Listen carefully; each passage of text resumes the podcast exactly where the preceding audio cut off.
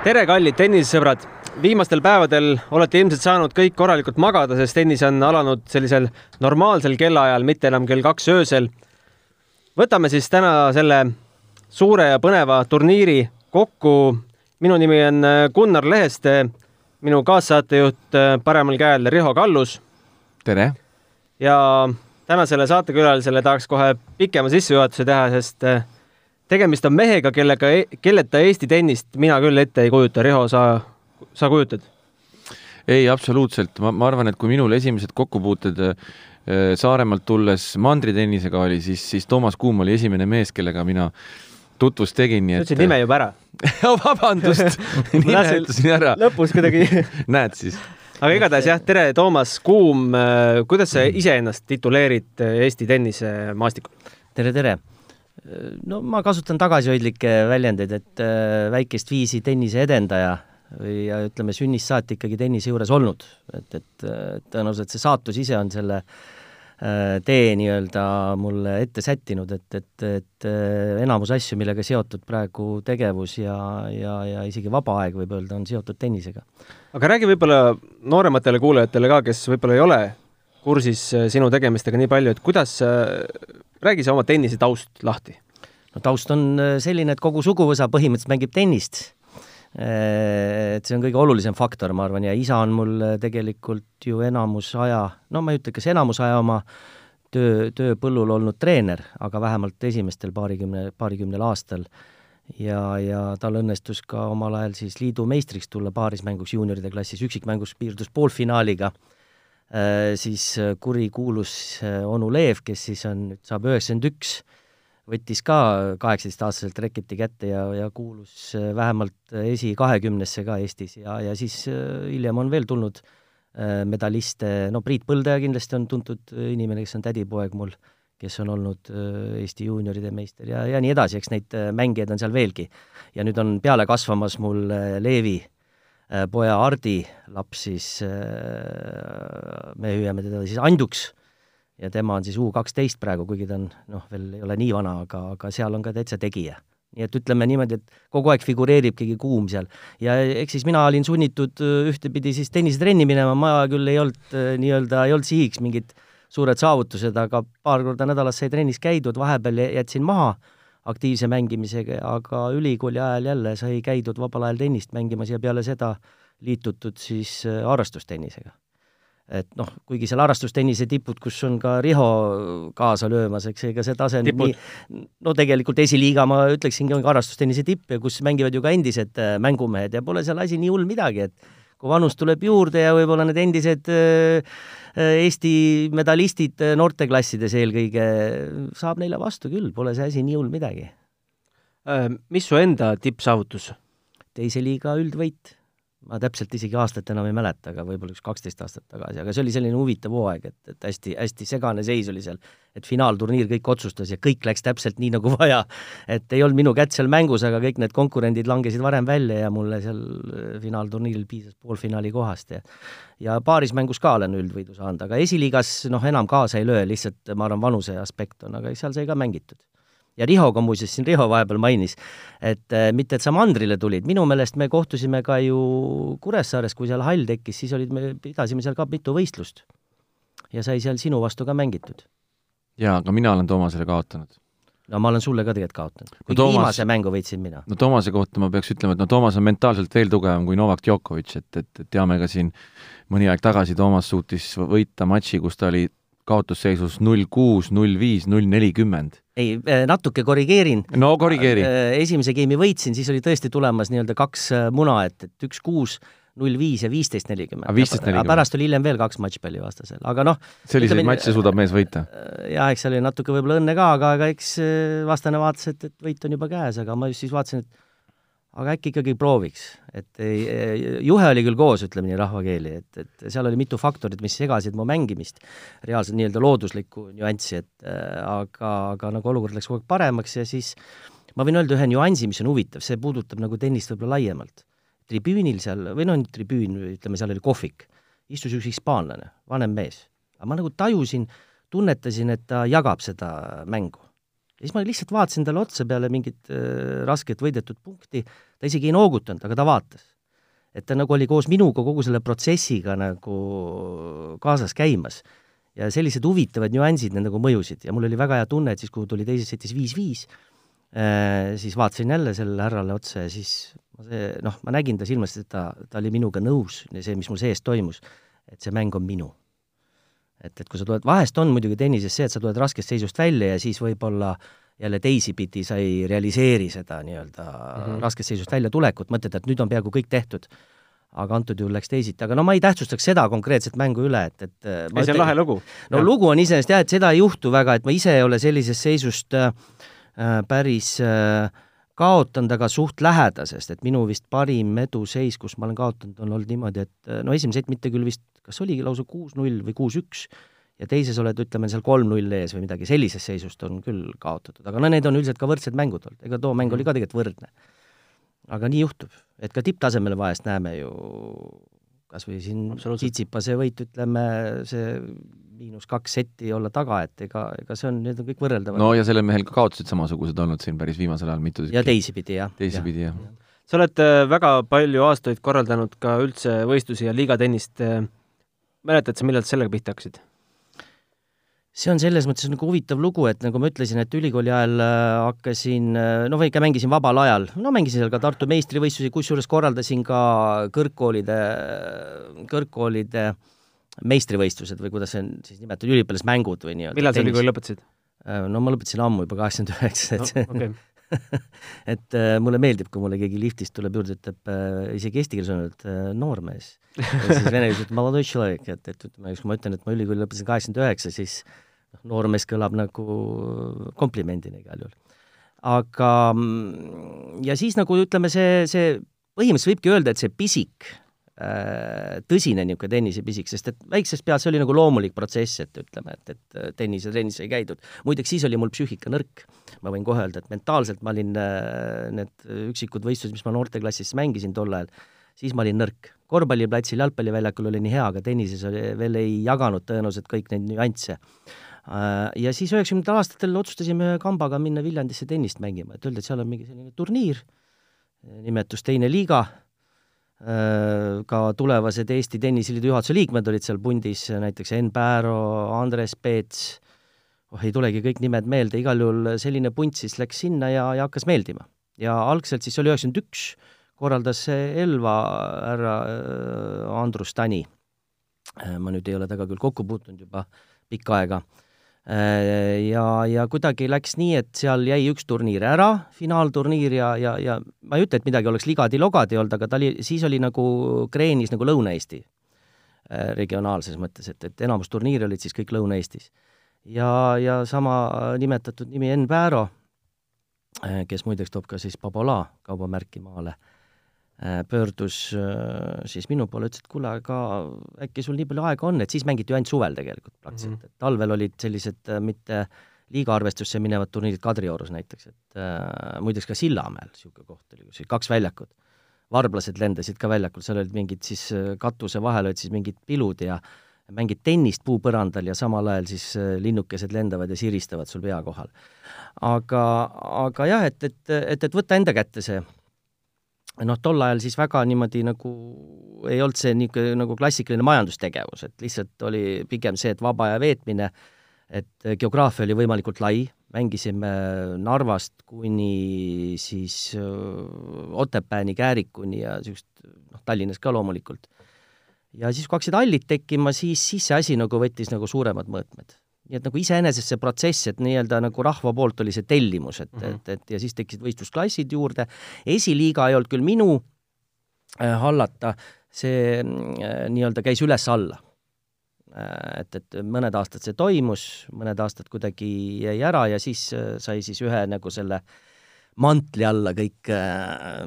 võetud siis ja, ja, ja nüüd on siis nagu neli liigat nii meestel kui naistel et muidugi seal on see määratlus, et, et kuidas see tase on, aga ta on kuidagi niimoodi paika loksunud. et enam-vähem nagu sa oskad, oskad öelda, vaadates peale, et, et kuhu see mängija siis kuulub ja treenerid ka väga tihti soovitavad õigesti. ja minu soovitus on alati, kes soovib hakata mängima, et pigem mine siis äh, võib-olla veidi kõrgemale, noh proovi nagu, et kui sa Mm. kahtled, et kas sa oled seal näiteks kolmas-neljas, mine proovi kolmandat. Sellepärast, et äh, ja siis sa näed, kui sul seal nagu ei ole läbilöögi võimalust, siis räägi korra, Toomas, numbritest ka, sa ütlesid, et kaheksa liigat on täna. no see on siis naised-mehed kokku. naised-mehed kokku, et kui palju neid osalejaid äh, seal numbriliselt võiks olla oh, eks see kogu aeg muutub ja seal on natuke väike kattuvus ka, sellepärast et äh, üldiselt on lubatud nii-öelda, et aste madalam võib siis käia aste kõrgemal mängimas, noh, ütleme näiteks kolmanda liiga mees võib tegelikult mängida ka teist, et kui Mhm. sama nädalavahetus on, näiteks ei ole kolmanda liiga turniiris, mõned proovivad ja mõnes mõttes on see hea testimise võimalus, on muidugi eri,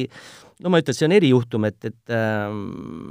et, et, et võib-olla mõni hindab oma võimed üle, aga üldiselt me ei löö, ei pane siin kätt ette, et nüüd koroona ajal küll sai äh, veel enne, kui siis nüüd see praegune piirang on peale, et, et sai natukene nagu piiratud osalejate arvu. Et ikkagi ei tahtnud, et seal oleks võib-olla täitsa võimalik, et oleks viiskümmend, kuuskümmend inimest kokku tulnud ühel turniiril, aga noh, seda nagu ürit-, üritasime vältida. ja peab tunnistama, et inimesed tegelikult novembri lõpust vähemalt või novembrikuus alates ikkagi kandsid enam-vähem maske ka kõik ja kõik hoiti distantsi ja nii et selles mõttes, kui ma nüüd äh, tulen praeguse aktuaalse teema juurde, siis et noh, koondised võivad nagu mängida, et Eestis on see väga keeruline, et noh, tennisevõistlused jah, et noh, et, et ainult siis koondis saab enda, sa ei saa nagu punkte võib-olla arvestada, et ja tegelikult see piir on seal hägune võib-olla, kes kuulub, kes ei kuulu, et tipud on jah, omaette. ma saan aru, praegu on teil paus? no jaa, ja üldse on ju tegelikult praktiliselt ainult nüüd rahvusvaheline turniir äh, on lubatud äh, teha, et, et ma arvan, et iseenesest nagu üksikmänguturniire, et ma nagu hüppasin küll selle teema peale. Äh, teatud kontrolli mõt-, saab kontrolli äh, hoida selle üle ja saaks tegelikult teha. no sa ei ole planeerinud äkki, teed selle liigatennise mulli? Äh, ei no ega see, see ikka, ütleme, samas ei saa ignoreerida äh, määruseid, mis on, et see on nagu selles mõttes natukene natukene võib-olla kurb, aga noh, ühtepidi ma saan aru, et näiteks täna sain jälle teada, et üks inimene, keda ma tean, jäi koroonasse. nii et tegelikult ta liigub meil kogu aeg siin kuskil kõrval ja, ja, ja, ja, ja see mõju on ikkagi erinev inimestele, et, et sa ei pruugi ette teada, mis see on. Ja kui sa oled spordilembeline inimene ja pärast selgub, et sul on veel aasta aega peale koroona põdemist, sa ei jõua enam joosta, no rääkimata võib-olla suusad alla panna, praegu nüüd on suhteliselt muidugi juba lö-, lögane see suusarada, ma ise käisin viimati nüüd paar päeva tagasi suusatamas. et ähm, ja kui sa ei jõua, siis see on nagu väga halb signaal oleks, et see, et selles mõttes tuleb olla alalhoidlik, mõistlik, aga noh, päris hulluks nagu ka ei tasu minna, et, et sa päris istud kuskil, ma ei tea, kabiinis, et noh, kui sul noh, võib-olla ma ei räägi, mingid erandid võivad olla inimestel, kes peavadki äh, põhimõtteliselt nagu isoleeritud olema mm -hmm. puht tervise mõttes, aga, aga ütleme, võib-olla võiks olla siin natuke eri, eriline lähenemine ja tegelikult on nüüd, viimase määrus on nagu välja toodud, eks on ju, sulgpall ja tennis, aga, aga ma arvan, et isegi võistlemise puhul võiks, võiks vaadata nagu nii-öelda case by case või, või alade põhjal, aga siin on, ma saan ka, mõistan ka meie valitsejaid, seal on see nüanss, et, et kui sa ühele teed nagu mingi erandi, siis on sul järjekord see, ukse see taga. lumepall hakkab veerema ja siis see- nad ei jõua lihtsalt selles diskussioonides osaleda, no loodame, et äkki suvel numbrid no see lähevad natuke ma olen peaaegu allapoole. kindel, et, et, et, et kui välitingimused, siis see asi läheb jälle lahti, noh. Mhm. see, seda võib eeldada. ja, ja korra hüpates tagasi see, mis toimus eelmine kevad, no kõik teavad, et, et sellist asja pole olnud, et, et kui sul on pluss kolm kraadi, näitab termomeeter,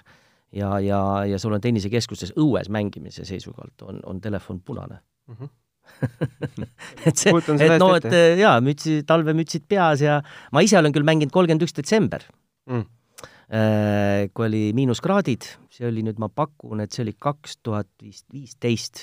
vist, kui ma ei eksi. Enda, enda väljakutel Kalevis? ja, ja nullväljakul ja seal oli lihtsalt see, et, et ta, kui ta on külmunud sul see maa, aga ta ei olnud nagu eriti libe, noh nagu ta ei olnud nagu jääs, aga ta oli nagu tugev külmunud. ja, ja panid jalanõud, niisugused natuke paremad jalanõud jalga ja polnud midagi, sai mängida küll, eks natuke tuli alalhoidlik olla, nii et minu rekord on kolmkümmend üks detsember, kellaaeg mul ei ole meeles, aga kuskil kell kaks või kolm päeval, tehke järgi aga äkki sealt saab neljanda väljaku kätte meile, jäätennis? et seal on muidugi, vot on olemas ju need, paned need äh, jalad alla-alla, kus on siis need äh, ogad. aga miks mitte uiskudega? uiskuda ja seda on vist proovitud minu arust, see Mm. kuskil jooksis minu arust isegi ja, ja on ikka ja, ja, ja ei, ei lausa vist kas, kas ei jooksnud meil Eestis, et keegi või oli see nali, igal juhul midagi sellist on olnud küll jah, et, et keegi on proovinud uiskudega, noh, ütleme meedias või mingi sotsiaalmeedias on läbi jooksnud selline asi. ja Gunnar annab ohtlikumat spordiala välja mõelda kui uiskudega tennis no. et lased stoppi ja siis teine uisutab suure hooga, et, et Saskia Alusalu jõuab selle pallini kindlasti. jah. igatahes tuleme nüüd selle tänase põhiteema juurde, milleks on ikkagi Australian Open. meil on kaheksateistkordne Slami võitja Novak Djokovic, üheksakordne Australian Openi võitja ja kahekordne Austraalian Openi võitja ja neljakordne Slami võitja Naomi Osaka, see on nüüd selline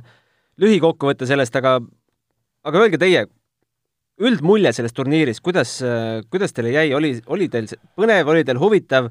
tunduvad need äh, täisväärtuslikud mängud, täisväärtuslikud võitjad, äh, mis teie üldmulje sellel on? sa küsid nii-öelda meilt mõlemilt, Riho, või? Mhm. et mina pean alustama Alusta. siis? okei okay., et no ütleme niimoodi, et jälle äh, ma jõuan selleni või mitte ainult mina, vaid mis on läbi jooksnud, et, et veel see aasta noh, Federer küll ei mängi ja, ja kui tuleb tagasi, ei kujuta ette, kuidas, kuidas ta siis veel suudab läbi lüüa, aga aga see uus plejaad on nagu juba aastaid kogu aeg seal nagu kannul ja, ja tundus ka see finaalturniir, mis eelmine aasta oli ja, ja mõned veel episoodid mõnedel eelnevatel, varasematel turniiridel, et et ehk nüüd astuvad kuidagi tõsiselt kandadele, on astunud kandadele aga lõpptulemus on ikka see, et, et võitis Djokovic, okei okay,, see on tema lemmikturniir ja reegel on see, et sellel turniiril, nii palju kui ma tean, siis kui ta on juba jõudnud nii-öelda päris sinna äh, lõpp, lõppfaasi, siis ta on nagu pidurdamatu olnud, et, et kui ta on välja kukkunud, on ta pigem seal vist suhteliselt varajases staadiumis äh, välja langenud, pigem. et siis kas tal on siis olnud kehvem mänguvorm või siis on, on sattunud nii-öelda üllataja otsa, aga tegelikult äh,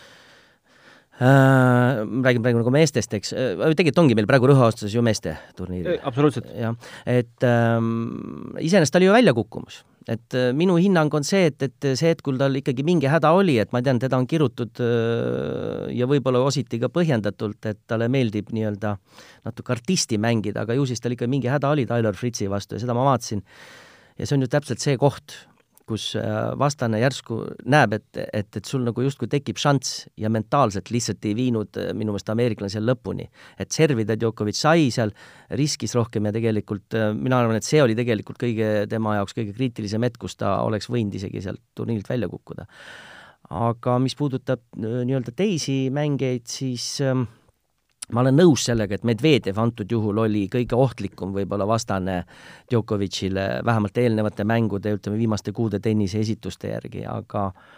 aga finaali otsustas tegelikult esimene sett, ega eh, ma usun, et kui esimene sett oleks läinud see on küll oleks kõik, eks Medvedevile, siis võinuks see mäng ikkagi just, psühholoogia oleks mängus muutunud.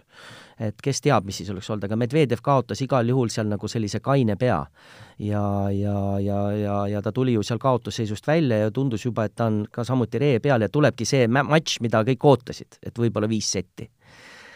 aga, aga noh, jah, isiklikult, kui ma nägin, et see sett läks ja teise seti algus tundus juba, et, et, et vist tõesti paraku ei tule ei tule seda heitlust.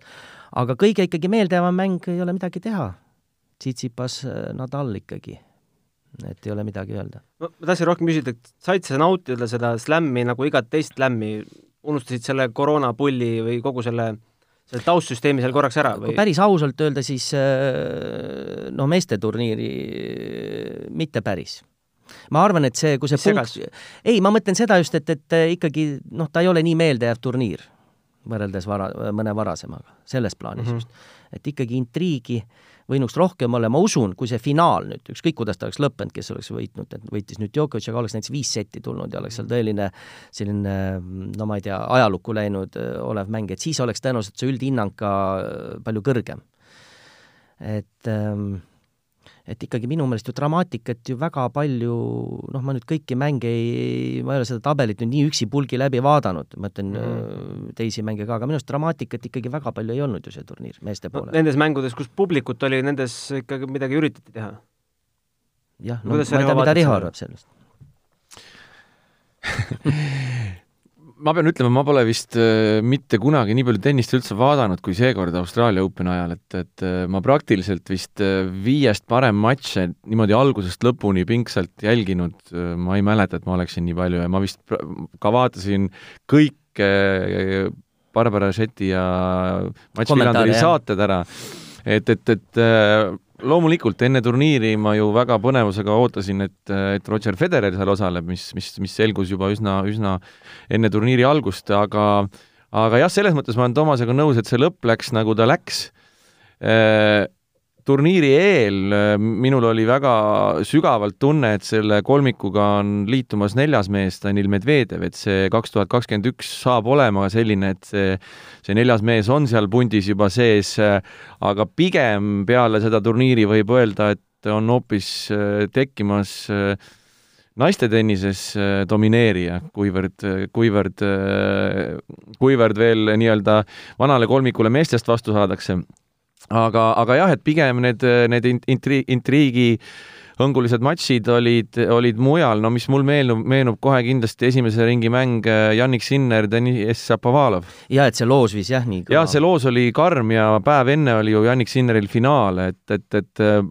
härra Lehtmets, kellega me koos ka kommenteerime siin ATP turniiri, ütleb, et ma alati räägin nendest meestest liiga palju, aga aga minu jaoks eh, nii noh, terve plejaad noori itaallasi eesotsas Janik Sinneriga ja, ja kahtlemata ka prantslane Hugo Humbert. On, on mehed, kes minu arust mängivad täna juba top kümne tasemel tennist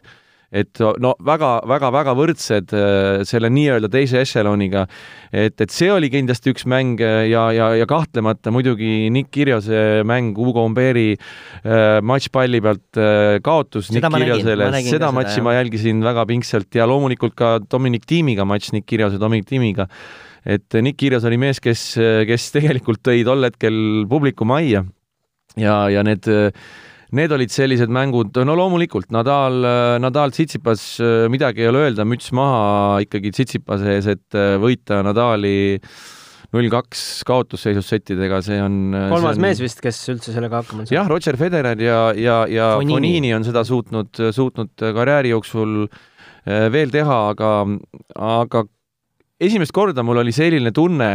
et äh, viiest parem matš jäi Nadali jaoks natuke liiga pikaks ja ma olen nõus sellega ja ma tegelikult tulen korra tagasi, see, mis sa mainisid, et võib-olla mul jäi see mõte, mm, jäi sinna kuskile ala, sinna pea kolba taha kinni. just nimelt see, et, et see teine ešelon, kes nüüd ju ka pikalt oodatakse, et ta siis nii-öelda äh, võtab selle suure kolmiku üle kontrolli enda kätte, tegelikult peab juba selja taha vaatama pingsalt, sellepärast et võib-olla nendel ei antagi väga palju võimalust. täpselt, täpselt. just needsamad nimed, keda sa nimetasid, ega seal on veel tulemas, seal on, seal on põhiline teema on, mis, mis oli jälle ka Medvedjevi ja Djokovic'i mängufinaalis, on see, ka selle teisel ja sellel kolma, kolmas ešelon, noh, nad veel saavad küpseda,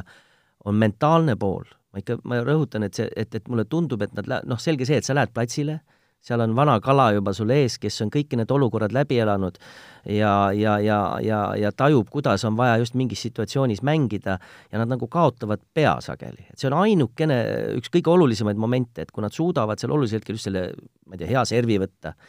või, või võib-olla olla natuke kannatlikum jälle, et, et, et, et, et, et rohkem võib-olla varieerida taktikaliselt oma mängu, et kui nad hakkavad suutma seda teha te,, siis, siis, siis läheb väga põnevaks, et ütleme, tegelikult noh, kui see aasta veel võib minna ositi vanaviisi, siis ma arvan, et ikkagi hiljemalt järgmisest aastast on umbes võib-olla sama olukord, mis siin naiste tennises on mitu aastat olnud ja sa juba tulid naiste tennise juurde, et ma saan aru, et me veel peatume nüüd siis ka naiste turniiril lähemalt. jaa, natukene hiljem, ma ikkagi tahtsin küsida, et ähm, no kogu maailm või pool maailma vähemalt ootas, et sellest äh, pühapäevasest finaalist tuleb mingi viiesetiline triller ja lahing. miks ikkagi publik jäi kahe, kahe setita?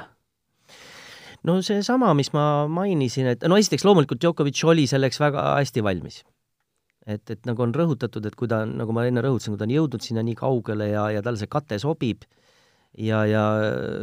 me ei ole vist tulemust ka ette lugenud, seitse, viis, kuus, kaks, kuus, kaks. jaa, no sellepärast ma just mainisin, et esimest setti seal oli ju tegelikult, äh, oli, oli ilmselgelt oli mänguliselt ka näha, et Medvedjev äh, paar sellist võib-olla rumalat viga tegi ja see, et tal pea täitsa sassis oli, olid need mitmed olukorrad, kus ta võib-olla sai selle äh, lühikese palli võrguris hästi kätte ja kui Djokovic oli seal seal vastas, need, need lahendused, mis ta tegi, see oli ilmselgelt, et tal ei noh, see ei olnud selline nagu kaine mõistus. et eelkõige mm, äh, kui ta nägi, et, et Djokovic on hästi valmis ja see esimene sett läks ära, siis just mentaalselt lagunes ära, et mina ütlen, et see on, see on äh, sellel tasemel, kus on väga väiksed marginaalid, äh, üks oluline moment. et mis on tegelikult ka Federeri puhul, ta on sellest suurest kolmikust nii-öelda, mina kasutan sellist väljendit, kõige inimlikum. et, et temal sageli nagu see äh, kuidas öeldakse, ta, ta võib nagu kergemini ära laguneda või, või, või, või ütleme, tal, mitte et ta ei ole võitleja ja, ja ütleme, ta ei ole see oskus, muidu tal poleks ju kakskümmend slam'i tiitlit, aga aga sellest kolmikust on kindlasti Nadal ja Djokovic äh, sellised noh, niisugune tõsised niisugused äh, lõvid, kes oskavad kõigel hetkel mängudesse pööret tuua ja võib-olla selles mõttes Rihol oli õigus, et, et mm, mäng, kus Nadal kaotas, et seal oli tunda üle pika aja, kus, kus ta siis nii-öelda mingi nõrkushetk ja väsis. võib-olla, noh, on räägitud, et tal võib seal mingi häda olla, aga ma kujutan no ette just see kolmanda seti tie-break oli, oli ja. kummaline moment, kus tegelikult praktiliselt oleks ta võinud selle seitse-kaks võita, selle tie-breaki. no ATP kapi jättis ju vahele selja peale. aga noh, seal tie-breakis oli ju neli lihtsat viga praktiliselt Joko või Nadalil tuli no see võib olla jah, et, et ütleme, sind ikkagi kuskil mingi väike asi painab seal peas ja, ja, ja lisapingeid ja, ja vastane mängib ka hästi, ütleme, ja, ja tal jah, need nii-öelda, ma nimetan nimetan neid, need passeerlöögid, mis ta need banaanid või kuidas öeldakse, eks on ju, need tal ebaõnnestusid, ütleme, et et me oleme harjunud, et ta imeolukorrast lööb ja, just, selle palli jah. veel jah, seal lööb ikka pikijoont või, või lühikese krossi suudab lüüa. et äh, selles osas muidugi jah, mingi selline tagasilöök oli, aga no vanust on ka. aga Djokovic on just, et kui jalgade töö vaadata, siis see on müstika tahtsin lisada meeste finaali kohta, mul oli väga kummaline tunne ja ma, ma arvasin juba enne seda mängu algust, et, et, et äärmiselt oluline just eriti Danil Medvedevi jaoks saab olema see, kuidas seda, kuidas seda mängu alustatakse, kuidas see algus minema hakkab. Ja kui kui ma nägin seda, kuidas Djokovic alustas seda matši kohe ässaga, servis tohutult hea esimese servi game'i ja võttis kohe ka breigi, siis juba oli natuke selline tunne, et, et Danil Medvedevil saab täna väga-väga raske olema. ja kuigi ta tegelikult kolm-null eduseisult ju Djokovic suutis Danil Medvedev äh, seal selle seisu vigistada, äh, siis nagu ka Toomas ütles, äh, Djokovic läks aina ja aina paremaks ja vajutas kogu aeg veel paremini ja veel juurde ja veel juurde ja just nimelt see oskus äh, mängu varieerida ja, ja, ja lugeda ja aru saada, kes sattus kuulama ka seda Äh, Novak Djokovic'i kommentaari, matšijärgset kommentaari, siis äh, ütles ju, tunnistas ise ka, et kogu tiim tegelikult viimased päevad äh, tegi tohutult tööd, analüüsis Danil Medvedevi mängu, analüüsisid enda mängu ja, ja panid kokku seda puslet, et kuidas tema vastu mängida. Ja, ja vot see ongi see, vot see ongi see asi, mis, mis eristab neid absoluutseid tippe nendest teise ešeloni meestest, et, et lihtsalt finaalis sa mängid oma parima mängu. Ja see oli Djokovic'i parim matš sellel turniiril, et äh, Äh, selle koha pealt mees ikkagi äh, kinnitas kanda ja ütles, et kes on maailma esimene, see fenomenaalne finaalmatš minu arust Djokovicit. Äh, jah, ta on neid varemgi, ta on aeg-ajalt on need mõned finaalmängud, mis ta on karjääri jooksul võitnud, need on vahest, siis ta on täiesti teerulliga üle sõitnud, nii nagu Nadal on, ütleme veel Prantsusmaa lahtistel teerulliga üle sõitnud, aga ma korra veel ütlen seda, et, et seal on nagu huvitav moment, et kui sa, kui vaadata nende vanade kalade esitusi, siis nad äh, õigel hetkel suudavad nagu, et hoiavadki mängu pikalt, mitte see, et ta lihtsalt lööb sulle ainult üle, aga ta hoiab seda, ütleme, palli pikana äh,, pikad pallivahetused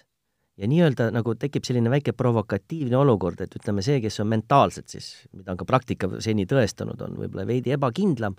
et äh, lihtsalt hakkavad kas rapsima või, või noh, nad ootavadki seda, et selle esimese võib-olla mingi otsuse langetab nende vastane. ja siis sealt hakkab arenema see edasine mingi punkti, ütleme, lõpplahendus et see on hästi huvitav moment, et seda on sageli näha. välja arvatud võib-olla kiired lõppmängud näiteks Djokovic'i puhul, seal ta hakkab äh, reeglina kohe riskeerivamalt mängima, see on kohe tema niisugune eripära, on teada, et kui tuleb kiire lõppmäng, siis üldjuhul ta muutub äh, mäng agressiivsemaks. aga see on ju huvitav, et just, et, ähm, et äh, see nii-öelda teise ešeloni mehed, et nad nagu, nad ei suuda ikkagi lõpuni äh, no mingi kannatamatus või, või, või kained pead säilitada, no väga raske. et kui sul on kummisein vastas, nagu Eesti tennises me kasutame termineid, kõik pallid tulevad tagasi ja mitte lihtsalt ei tule tagasi jah, päris äh, huvitav, ma mõtlesin ka seda esimeses setis Medvedjevi ja Djokovic'iga. väga huvitav oleks, kui tennisesse võiks tulla selline muudatus, et äh, näeks mängijate pulssi. no minu arust oli Danil Medvedjev oli ikka punases, kohe esimene sett oli punases et Djokovic suutis äh, rahulikult mängida, aga Danil Medvedev oli, ilmselgelt oli näha, et mees oli täiesti, täiesti punases. no ta tunnetas, et vastane on nii enesekindel. täpselt. et, et, et tal võttis tükk aega aega, et, et üldse sinna mängu nagu sisse saada, aga praktiliselt ei, ei saanudki. praktiliselt terve matši jooksul ta ei saanudki öö, oma rütmi peale suruda ja, ja, ja sellest hakkas kõik pihta, sellest hakkas pihta see, et kukkus serv ära ja, ja ta ei saanudki mängida seda mängu, mida ta, mida ta muidu mängib. Djokovic ei lasknud tal seda mängu mängida. nojah, Medvedjevil serv ongi üks ju põhielement, et Djokovic küll ütles jah, et, et, et ta tõrjus, tõrjus väga hästi, no viis või kuus ässa oli matši, matši kohta, Danil Medvedjevi kohta on seal ikka väga vähe aga, aga ma ikkagi arvan, et see ei olnud ainult Djokovic'i hea, hea tõrje, vaid, vaid Danil Medvedjevi serv ei, ei jooksnud sugugi nii sa hästi. hakkadki võib-olla üle forsseerima No serviga, sest sa näed, et sa pallivahetuses ei saa seda punkti kätte, siis muidugi kõige lihtsam, noh, ühtepidi kõige lihtsam on punkt saada ju servilt, et sa ei pea äh, veel rohkem lööke tegema, aga kui sa tõesti äh, mingis pallivahetuse faasis hakkad aktiivselt mängima, ütleme, survestad, ja sealt tullakse, vastane tuleb välja ja hoopis mitte ei tule lihtsalt välja. see on muuseas ka Medvedjevi omapära tegelikult, kui sa, kui vaadata tema mänge teiste vastastega, et teda surutakse, surutakse, ta tuleb veel raskest seisust hoopis niimoodi välja, et et äh, surve alla satub hoopis see, kes alustab nii-öelda rünnakut äh, pallivahetuses. ja siin oli nagu isegi võib-olla mingis mõttes vastupidi aga mis on nagu Djokovic'i mängu, noh, see on minu selline mm, mulje, et mulle ikkagi kümmekond aastat tagasi ta mulle jättis liiga niisuguse robotliku mulje, ütlen ausalt, see oli minu selline et nagu ei pakkunud see mäng nii palju huvi, aga minu meelest on ta aastatega muutunud palju mitmekülgsemaks, väga palju kasutab äh, ju äh, stoppi võrgu ette ja, ja, ja tegelikult see mäng on palju mitmekülgsemaks läinud. et, et selles mõttes tema mäng on, on muutunud minu jaoks nagu nauditavamaks, ma ei ole tema fänn äh,, küll et tõesti tahaks, see on eraldi teema, ma arvan täiesti, et Djokovic'i persooni, persoon on selline ma arvan, et Djokovic'i fännid ongi ainult serblased. ei, ma ei usu, et see nii tal on hull ikka väga palju vaenlasi. aga ühe korra, ühe, tunnistan, et ühe korra ma olin naturaalselt tema poolt. see oli mäng Wimbledonis ükskord, kui ta Nadaliga vist kaheksa-kuus oli otsustav sett, et noh, mul on ikka see, et ma olen Federeri äh, pooldaja, et ma ei, siis tundus, et Nadal on noh, seesama slämmide tiitlite püüdmine, et siis ma olin. Kusjuures ma ei saanud seda laivis näha ja, ja telefonis kogu aeg seis muutus ja see oli väga närvesööv. see oli seal mäng, kus hästi palju vist murdepalle päästis äh, Djokovic, see oli vist kaks aastat tagasi, kui ma ei eksi. et äh, ei, kaks ta ei saanud, see on siis kaks tuhat kaheksateist pigem siis vist jah, jah, juba rohkem mm. -hmm. et äh, see on täitsa eraldi teema muidugi. no sa rääkisid stoppidest, mul tuli meelde üks väga hea stopp, mille Medvedev kätte sai. aa, Ah, see, mis see vindiga tagasi ja. tuli? Nojah, seal ta tabas selle, see on noh, kui, kes on mänginud tennist, saavad aru, kuidas see vind seal tekkis ja aga, aga vot veel üks huvitav asi, et nägime, kuidas reageeris Djokovic ja kuidagi ma, ma ei oska öelda, et mingites, tunnistame ausalt, et peale mängu ja, ja see mäng ta ju tegelikult jättis ju üldiselt ju väga sümpaatse mulje. et see ongi nagu väga selline kontrast, et, et mulle ma arvan, et see tundub ka, et kes on teisel pool võrku et, et kes nagu võib-olla ini-, noh, inimesena võib-olla sobib sulle, siis sa seal isegi, kui on mingid vaieldavad olukorrad, sa nagu reageerid teistmoodi, et kuskil, no sama Kirgios, ma arvan, Kirgios Nadal on ju, seal on kohe, no ükskõik, väga paljud mängijad, kes Kirgiosega lähevad väljakule, on ju, on elekter, on õhus, aga Kirgios lisab sellele, tal on nimi ka väga õige nimi, ta lisab kirge sellesse mängu. et, et ma arvan, see nagu perenimi polegi juhuslik, et Kirgios, siis tü-, tüvisõna on kirg no Kirgis Djokovic'i matši, ma arvan, et ootab terve maailm praegu. jah jah, nende omavaheline seis on ju kaks-null Kirjasele, nii et ei ole ju kordagi ju võitnud veel Djokovic teda mm. -hmm. jah aga seis on nüüd igatahes selline, et kaheksateist, kakskümmend, kakskümmend slämmid, Goran Ivaniševits, vaatasin eile ta pressikonverentsi, kuna oli see virtuaalne ligipääs olemas nendele pressikonverentsidele, kui Djokovic veel üritab kuidagi pisendada seda, et ah, meil igalühel on oma teekond ja värki-särki, siis Ivaniševitš ütles selgelt välja, et pärast seda US Openil juhtunud ja French Openi kaotust ta elas väga läbi seda eelmist aastat ja ja tal oli seda Austraalia Openit lihtsalt oli vaja. et kaheksateist tundub ikka palju lähemal kui seitseteist nendele kahele teisele mehele. mulle tundub, et nendest kolmest mehest, vähemalt praegusel ajahetkel, kõige rohkem, kes tahab neid slämme võita just sellest noh, nii-öelda ühtepidi meie seisukohalt siin nagu statistiline näitaja, aga tegelikult noh, nendele see tähendab võib-olla rohkem, et just Djokovic äh, hirmsalt tahab ja, ja võib, see võib lõpuks tähendada seda, et ta võib selle kakskümmend kätte saada, aga ta seda ei ületa, kuna ta noh, eks tal on hea närv ja ta on natuke noorem ka ikkagi äh, ülejäänud kahest mehest ja et äh, et äh,, et põleb läbi selles, selles osas, sest et USA lahtistel ju nägime reaktsiooni, kus oli see intsident siis selle joone kohtunikuga, siis okei okay,, see on kõik oleksid, aga ma arvan, et kui analoogne olukord oleks Nadalil olnud või, või reeglid on reeglid, et ta oleks vabandanud ja, ja tõenäoliselt suhteliselt kiiresti ka sealt väljakult minema kõndinud. ja siis see dialoog jälle ei lisanud fänne tõenäoliselt, kust, kus sisuliselt andis, noh, tegelikult oli ridade vahelt lugeda, et te rikute mul jälle võimaluse võita see slämm ära, et et, et noh, ta oli nii sellesse sukeldunud nii-öelda sellesse just selle võidu, noh, see näitab ka tugevust ühtepidi, et sa oled nii orienteeritud nagu võidu peale. et, et aga, aga kuidagi jah, inimlikus plaanis see, see, see ei tundunud kõige ilusam hetk. et ma arvan, see on väga oluline neile et võib-olla Federer on selle asjaga leppinud, et ja, ja Nadal kindlasti, kui läheb mööda kas või kahe slam'i võiduga, hakkab kindlasti intervjuudes ütlema, et ikkagi Federer on kõigi aegade suurim. nojah, nüüd on ju märtsi alguse seisuga Djokovicil võimalik mööda minna ka Roger Federerist äh, ühe näitaja poolest, ehk siis kaua on maailma esireket olnud, kolmsada kolmkümmend üks nädalat. kas ta juba ei läinud mööda või? Kas ta juba läks või oli minu arust natukese aja pärast? minu arust natukese aja, natukese aja pärast peaks olema jah, nii et no seal ei ole suuri turniire vahepeal tulemas, seal ei tule ühtegi muudatust, et, et igal juhul ta läheb. Äh,, läheb Roger Federerist selle näitaja poolest mööda. Nojah, ma ütlen, et see kõik on, mõnes mõttes on see nagu huvitav, et ähm, ma just mõtlesin muideks täna hommikul, see ei puuduta ainult tennist et nüüd, kui sai laskesuusatamist vaadatud, kus on ju väga palju nüansse, eks on ju, alane, et seal ei ole ainult suusa, no ainult suusatamise kiirus. murdmaa on natuke jah, teine, et seal on, no nüüd ka norrakad on nii-öelda ka laskesuusatamises ütleme, ikkagi number üks jõud. et huvitaval kombel, kus nagu tundub, et marginaalid ja konkurents on nagu tugevamaks muutunud, maailma üldse spordis, siis äh, päris paljudel aladel on ikkagi müstilised valitsejad või tähendab, et ollakse nii äh, ja, ja sageli pikka aega, et tennises on noh, on ka tõesti iga periood on olnud niisugune paar mängijat, kes siis nii-öelda noh, naiste tennises veel eriti võib-olla, et noh, et meestes me võime siin loetleda alates Borgist ja, ja, ja mida iganes ja Samplased, aga ikkagi sellist nagu domineerimist, mis on nüüd viimased siis kuusteist aastat praktiliselt olnud siis või lausa juba seitseteist see tundub nagu uskumatu, et, et nagu ei saagi aru, et, et äh, kuidas see asi on võimalik, et selline, noh, me teame, et neil on kõvad tiimid seal taga ja ja võib-olla see on kuidagi maailmal läinud nii, et sündis sellised andekad mängijad ja kõik, kõik nagu äh, asjaolud on nagu aidanud sellele kaasa, aga see, ma ei tea, kas sul, Riho, ka, sul ei ole sellist muljet, et see on väga paljudel aladel, on ju nii, kuidagi praegu kujunenud, et kui konkurents on tihedam, siis millegipärast on äh, on, on võim mingite üksikute äh, tugevate siis sportlaste käes. jah, aga kui vaadata nagu tennist, äh, tennis äh, on unikaalne oma halastamatu skoorisüsteemi poolest kahtlemata ja, ja ja, ja kõik nad ju räägivad ühest asjast, experience, experience, kogemus, kogemus mitte kellelgi ei ole võrrel-, võrreldavat kogemust kui nendel kolmel, et kui palju need mehed on mänginud Grand Slami veerandis, poolfinaalis, finaalides, lihtsalt see kogemuste pagas on, on, on, ma arvan, üks, üks võtmefaktor, miks need mehed seal püsivad ja, ja just see omavaheline äh, võistlus, mis on, mis on selle tinginud.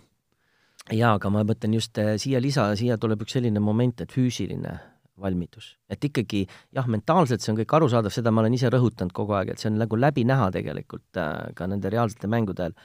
aga ikkagi noh, siin paljud spekuleerivad, kas Serena ikka saab oma kahekümne neljanda tiitli kätte või mitte, aga noh, vähe, no võib-olla tõesti, mina näen ainult Wimbledoni võib-olla variant see kate, eks on ju, aga, ja Austraalia just, et kiire, et oli, aga ma, ma praegu seisuga mulle tundub, et, et see tal paraku ei õnnestu, noh, vanus on juba, juba selline et kuidas nad peavad just füüsiliselt vastu, no okei okay,, neil on tõesti need tiimid lausa, ma ütleksin, seal on lausa niisugune tunne, nagu tehas oleks taga, eks on ju, mingi toodang on ju, et terved seal on teadlaste tiimid ja, ja seal on need füsiod on ju maailma mm. noh, kõrgemast tasemest aitavad, et just see moment, noh, et see, see tundub nagu uskumatuna. no aga räägime natukene Djokovic'i tiimist, räägime füsioterapeudi vajalikkusest tema tiimis, et kui füsiot poleks tal olnud pärast kolmandat ringi, kas ta üldse oleks nii kaugele jõudnud või mis te üldse sellest äh, kõhurebendi saagast äh, arvate, oli see päris tõsine teema või natukene oli ka ülemängimist? ei no kindlasti seal oli, see oli näha tegelikult mängust, aga äh, teatud, tal vedas vist, minu, mulle tundus niimoodi, et ta, mis oli talle oluline moment, et ta servida, see, see vigastus või, või ütleme, see, see, mis teda häiris, see, ta sai ju servida päris korralikult seetõttu tal, ta suutis oma servi game'e nagu, hoidis ju tegelikult üllatavalt ju lõpus seal kergelt, olles mängus eh, Fritsi vastu. sada kolm servi asja terve turniiri peale. jah, korralik, aga ma just, kui sa räägid sellest noh, konkreetsest sellest juhusest, et mm -hmm. tundus, et eh, jah, noh, ta on emotsionaalne inimene, et ega, ega eks seal on natukene sellist vastase töötlemist ka kindlasti sees, et see käib noh, ütleme, peab tunnistama, mina niisugusel väga, ütleme, suht madalal tasemel, ütleme, et, et madalal tasemel vastase töötleja või? ei, no ütleme, noh, mängu tasemelt ma ei pea ennast mingiks mängumeheks tegelikult, ütleme, reaalsus, aga noh, selge, et norma-, noh, korralik mängutase nii ar- mm -hmm. tavamõistes on mul olemas, et äh, ma nagu, ma, ma saan aru sellest, et isegi sel tasemel ma olen tõenäoliselt ka kasutanud äh,, no mitte päris seda, et ma olen teeselnud, vigastust ei ole. Mina olen kasutanud niisugust kaudset verbaalset äh, mõjutust või niisugust mingit niisugust, noh, ma ei tea. äh,, mis, mis on viinud äh, mitte nüüd, ütleme, et see ei vihasta vastast, aga ta paneb teda nagu mõtlema mingi asja üle ja äh, ja, ja, ja ma arvan, ma olen enam-vähem nagu reeglite piirides seda teinud, et ütleme, tipptennis nad ei saa, neil ei ole aega selleks, et näiteks ütleme, kui sa tead, et vastasel on vaja lüüa eest ka alla kogu aeg, siis äh, no ütleme, punkt saab läbi ja sa lähed palli korjama ja siis ütled kõva hääle, noh, niimoodi omaette nagu podi seda nii, et ta kuuleb sind eest käsi, eest käsi, eest mhm. käsi. vastane kuulab, no on ikka, on ikka vend küll, et, et räägib sellest eest käest, aga noh, ma ju ei ütle talle midagi, ma ütlen omaette seda, eks, on ju. ja siis ta ise mõtleb ka selle peale ja läheb nii-öelda tal see noh, peas midagi sassi ja hakkab ise ka mõtlema selle üle kogu aeg. et aga siin on natuke võib-olla teistmoodi, ütleme, seal on, piisab pilgust, tõenäoliselt mingist kehahoiakust, ütleme, tipptasemel, et äh, et me näeme, et paljud mängijad, kes tegelikult võib-olla muidu väga heades suhetes väljapool noh äh,, platsi, siis tegelikult ikkagi seal mängu ajal niisugune rusikas püsti ja see pilk sinna veel, veel tuleb järgi ja, ja see kõik käib asja juurde tegelikult, aga jah, võib-olla Djokovic'i puhul on see, et, et ta läheb äh, noh, seesama reketi lõhkumine, äh, üks episood äh, väljakul, et seal jäid äkki, et ma ei tea, mis seda trahvi sai, kindlasti sai korraliku trahvi seal. et, et, et, ütleme, see, see kuidagi nagu, see millegipärast mõjub vastastele. Sinu jutu peale mul tuli, mul tuli see mõte, et ma mõtlen teinekord, kui sa vaatad äh, mõnda korralikku viiest parem lahingut, siis ma olen ise ka tajunud seda, et ega sa äh, sa ei saa isegi võileiba minna tegema külmkapist võtma, sest on see üks moment ja momentum ja see matš, krõks käib ära ja muutub, seesama, kas või seesama reketi lõhkumine, Zverev, Zverev oli neli-üks seal seti sees. ei no see mäng oli ja, ka ja, ja, ja mis ta, mis ta tegi vastasega peale seda, kui ta oma reket ära lõhkus, see tegelikult on ju, no vot see on, see on vastase vastu mängimine, seesama Taylor Fritziga matš samamoodi, jah, Djokovicil oli vigastus, aga me ju nägime, kui ta kaotas punkti siis, siis tulevad need venitused, kui sa võidad punkti, siis ei tule neid venitusi, need kõik, kõik sellised nüansid äh, äh, ju töötlevad vastast kogu aeg. aga noh, see, et raske oli see, kui ta peale mängu ikkagi, see tuli tal ikka tõesti nii-öelda südamesse, karjatus, et ütleme, see nagu, nagu tõestas, et tal, tal ei olnud seal kerge aga noh, kui sa korra, lihtsalt ma arvan, see meeste tennist oleme nüüd nii palju siin käsitlenud, et äh, Sveer... ja me jõuame naisteni ka, jah. et, et see Sveerivi hetk oli tõesti seal, et ega ta ju, see episood, mis sa ütled, et ega siis Djokovic ei mänginud ju järgmised vähemalt kaks geimi midagi ju suurepärast ei teinud ju. tegelikult ju Zverev lihtsalt aga ehmatas, aga ehmatas vastast. Zverev lagunes lihtsalt ära, et, et ütleme, see oleks võinud mäng absoluutselt, ka see mäng oleks võinud teistmoodi minna, aga noh, Zverevi puhul ma ütlen seda, et vähemalt selles mängus ja paljudes varem olen näinud, et võib-olla see pikk kasv mõjutab kuidagi, aga aga see lendpalli teema on tal ikkagi, ta peab seda minu meelest, seal on arenguruumi, et ta nagu see esimene äh, lendpall, mida ta, kui ta võrku tuleb, ta lööb seal, noh, Djokovicil ei olnud mingeid probleeme seal, et ütleme, ta ei, see oli ka üks nõrk koht tal, et ütleme, ta pidi ründama, aga, aga ta ei saanud initsiatiivi jah, võib-olla, või noh, ka veel üks hea näide näiteks tennis, võib-olla ei pane inimene, kes seda nii pingsalt ei jälgi, ei pane seda tähele, me oleme ka Toomas Leiusega seda arutanud, kas või näiteks Djokovic'i servi tõrjumine. Kui sa mängid äh, pika mängu ja, ja, ja, ja vastane iga servi eest teeb seda kakskümmend põrgatust, eks ju. sina pead ju kogu aeg olema valmis tõrjuma seda servi, mis sulle kahesajaga tuleb sinna servikasti nurka. sa pead olema kogu aeg valmis. adrenaliin. adrenaliin on sul üleval, aga ja. sa ootad, ootad, ootad, ootad, ootad ja, ja silmanurgast sa täpselt jälgid seda hetke, kui sa enam ei kannata, et seda oodata ja siis sa lööd selle servi. no mhm. selline väike asi, aga, aga proovi seda teha terve matš. Ehm, väga oluline ma küsin veel selle teema lõpetuseks, kas me usume, et äh, Grand Slam ehk neli turniiri Djokovic'i puhul sel aastal on võimalik või me endiselt ei usu seda? no me ma... iga, iga aasta, kui Djokovic seda võidab, seda küsime. No eks tal põhi see probleem on või, või ütleme, see takistusriba, mis tal on, on on Roland Garros, muidugi see on liivaväljakud, et, et siin ma olen nagu huvi pärast küsinud inimestelt just Nadali seisukohalt, et, et et noh, see aasta tõenä-, tõenäoliselt, noh, kõik arvavad, et võidab peaaegu kindlalt, eks on ju, kõik arvavad, eks see sõltub, kui ta on terve. korra niiviisi ütles ka, et noh, Nadal võtab veel kaks French Openit. jaa, just, just seda ma olen ka, tahtsingi just sedasama öelda, et, et arvatakse, et, et, et veel Nadalil veel ka see aasta ja järgmine aasta, noh, eks näis kuidas just need, just see kolmas ešelon ja kõik, et nad tõenäoliselt liiva peal mängivad äh, palju vähem, et see on see, see küsimus, et et eh, ikkagi liivaturniiride osakaal, ma ei ole täpselt võrrelnud neid arvusid, aga mm -hmm. noh, mhm. ikkagi on ju vähem ja noh, muruturni-, muruturniirist rääkimata. ma ju, ma siiski ei usu, et, et tal see õnnestub, aga, aga, aga ma arvan, see aasta on tal ka viimane võimalus, ütleme tõesti sellist, selle asjaga hakkama saada, et, et tõesti noh, pole ju, pole suudetud ju, mis see on siis, viiskümmend kuuskümmend üheksa viimati? jaa, viiskümmend üks aastat, ma just seda tahtsin kokku mm -hmm. liitanud aastat, pole seda suudetud. et siis Don Butch on ta nimi? Butch. ja Rod Laver on sellega siis hakkama saanud ainult, jah? Leiver kuuskümmend kaks, kuuskümmend üheksa, jah. vahepeal oli profi tol ajal, kui see veel noh, praegune profitennis oli ju need nii-öelda, ma ei mäleta, palju see neid mängijaid oli, Leius kindlasti oskab täpsemini öelda, nad siis äh, tegid oma turniiri ja, ja tegelikult Leiver ju vahepeal mängis ka nii-öelda profide seas. Ja siis tuli juba tagasi ja siis juba, siis olidki juba profid koos amatööridega koos. Ja ütles Djokovic veel oma pressikonverentsi lõpuks, et ATP tuuril ei maksa teda väga palju oodata, sest äh, tennis on praegu selline, et sa ei saa oma perekonda kaasa võtta, sa pead äh, olema mullis, mullist mulli reisima ja sinna ta oma pere ja lapsi ei saa võtta ja see on tema jaoks väga suur probleem, et mine tea, mis turniiril teda üldse siin veel näeb, arvatakse, et äh, noh, kindlasti Monte Carlo, kus ta elab, ja siis kas Rooma või Madrid ja siis ongi järgmine French, et no jaa, aga kui sa, kui me räägime ka sellest samast edetabelitest ja kõikidest asjadest ja ütleme, eks nad kontsentreeruvadki ikkagi juba selles vanuses ikka olulisemate turniiridele siin on ju hea näide ka ju tegelikult ju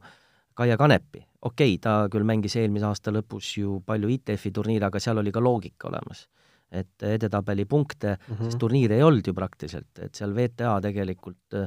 organisatoor, organisatsioonina ei teinud kõige paremat tööd sügis, äh, sügisperioodil. Neile ju pakuti, mitmed kohad ju pakkusid võimalust teha kas või mitu nädalat järjest turniire ja mida iganes ja nad ei suutnud organiseerida seda, kogu seda, seda turniiride, võistluskalendri teemat ja ja et äh, samamoodi, et see on, me võime siia võrdusmärgi põhimõtteliselt tuua. Ja noh, Kaial on või nüüd võib-olla veel teine eesmärk, et äh, ma saan aru, et me läheme nüüd naiste tennisi juurde ka. et äh, ka olümpia on tal ikkagi nüüd võib öelda, et äh, käegakatsutav. kes äh, väga tahab olümpiale minna, on Naomi Osaka, kes meil siis tuli neljakordseks slam'i võitjaks äh, alistades Jennifer Brody, kes oli kahekümne teise asetusega sellel turniiril, nüüd on vist maailma kolmeteistkümnendaks täna tõusnud äh, kuus-neli, kuus-kolm, ütleme nii, et oleks äh, publikus olnud, oleks võib-olla ka piletiraha tagasi küsinud, et läks, läks see ka ja oodatult tegelikult ühepoolselt. Jah, noh, seal, seal oli paar sellist nagu huvitavat momenti, et Breidi näitab ka oma nagu nii-öelda, milleks ta võimeline on, aga jah, aga kui sa võtad kogu paketi nii-öelda, et noh, et see ongi see, et, et just mis, mis neid maailma parimaid e eristab, et nad võivad nendel vähem väärtuslikumatel turniiridel komistada ja vahest vaatad mõni mäng, noh, Osaka puhul oleme ju näinud, et täitsa katastroof on mõni mäng, eks on ju. et seal võib olla ju erinevaid põhjuseid, et aga, aga seal, kus kahjuks vaja... mitte kunagi meie ei mängi vastu muideks see on jah, see on hästi huvitav tähelepanek, et see nii, nii, nii see kipub olema jah, see on nagu huvitav. või mis huvitav, kurb mõnes mõttes, aga, aga noh, eks selge, et mängija peab ikkagi lõppkokkuvõttes ise võitma, et, et aga, aga jah, nagu võiks natuke nagu õnne rohkem olla. Ega Austraalia lahtistel just Kaia teekonda vaadates, et, et ma just muideks mõtlesin seda, et kui nüüd Kaia oleks mänginud ikkagi Breidiga, et mis siis oleks, mis siis oleks seal platsil saanud, et, et, et mulle tundub, et ega seal äh, Kaial väga head šansid äh, oleksid olnud, et ma ei, ma ei näe seal, et, et Breidi jõudis küll finaali, et, et nüüd seal ei oleks mingit võimalust olnud, ausalt öeldes, et noh, see kõik on oleks, aga vaadates just mängu seda, aga jah, need päris tipud või need, kes ikka suudavad neid slämme mitu tükki võita või et nad, neil on, see mäng on kuidagi kõik pakendis. et äh, ja no Saka on, siin ei ole midagi öelda, et, et äh, kui nüüd ei ole sellist üht, ühist nagu valitsejat olnud aastaid, siis äh, ma nõustun nende arvamustega, et, et tema on selleks võimeline, kes ütleme näiteks siin lähima kolme-nelja aasta jooksul äh, võidab võib-olla kõige rohkem tiitleid ja on selline noh, ma ei ütle, et, et ütleme, tema või kusjuures tõesti see kogu slämm, jah, no liiva peal on temal sama jälle probleem, et, et liiva peal ta seal on kontrast tema mängu äh, mängu ütleme, tulemusteks ka tõenäoliselt, ma ei ole nüüd nii põhjalikult uurinud. ja võib-olla ka murutennis ikkagi ei ole päris äh, võib-olla äkki talle nii sobiv aga võtame neljas ring, Garbine Muguruzal oli kaks matšpalli. jaa, ma ütlen ausalt, ma seda mängu algusest lõpuni näinud, aga vaatasin neid äh, nii-öelda neid äh, kõrghetki ja, ja siis äh, matšpalle äh, noh, Muguruza on ju ka selline mm, omamoodi mängija, kes siis äh, mõnel slämmil on ju, ju mäng-, teeb fantastilist tennist ja siis on ka võib-olla aeg-ajalt nii-öelda augus, aga aga ma usun, et see mängustiili mõttes, et Muguruza on jah üks ka selliseid, kes, kes saab Osakale äh, tõsist vastupanu osutada, no see näitas jälle, et, et, et, et, et otsustaval hetkel suut-, noh, ei ole nagu, ei tee, psühholoogiliselt ei lagune ära. Ja, ja iseenesest ju Osaka oli ülivõimas ju turniiril, seesama mäng, kui see sealt välja võtta, siis aga lihtsalt sattus nii, et Muguruza oli ka heas hoos, oli võimeline tegelikult seda turniiri võitma, lihtsalt tabelis sattusid nii vara kokku. et kui, kujutame, spekuleerime, et kui needsamad naised oleks finaalis olnud, siis me oleks saanud äh, suure finaali. aga see oligi ju kas see oli eelmise aasta finaal ju? nojah, seda ka jah, aga ma ütlen, et sisuliselt äh, võibki öelda, et selle turniiri finaal oli ära see mäng Äh, Mats Villander äh, tituleeris väga julgelt Naomi Osaka naiste tennise uueks bossiks. Äh, Riho, kas ta oli natuke ennatlik või, või nii ongi? No mina vaatasin just äh, seda, kuidas Naomi Osaka reageeris äh, turniiri võidule, see oli väga huvitav. et kui me tavaliselt näeme neid tüdrukuid äh, väljakule langemas ja ja see tundub kõik tohutu üllatus ja tohutu suur võit, siis äh, ta oli kuidagi väga valmis selleks, et ta võidab selle turniiri ja, ja noh, nii-öelda justkui oleks peeglisse vaadanud ja aru saanud, et, et see on minu turniir ja ma võtan selle. et selles mõttes ma olen, ma olen Mats Villanderiga nõus, et, et tüdruk suuri mänge, tähtsaid mänge oskab juba mängida, tal on piisavalt seda kogemust ja, ja, ja ma arvan küll, et, et Mats Villander pakkus ka, arvas, et, et kümne Grand Slami tüdruk võib, või võib Naomi Osaka olla, ma olen, ma olen samal arvamusel. Et ma usun, et hakkab natukene see naiste tennis minema nüüd ka Naomi Osaka taktikepi all. no kahekümne kolme aastane alles et.... väga noor mängija alles, jah. no kui temalt endalt seda bossi narratiivi küsiti pressikonverentsil, siis ta ise ei tahtnud seda vastu võtta, sest äh, ta ütles, et ta tahaks sama hästi ka liival ja muru peal mängida, et,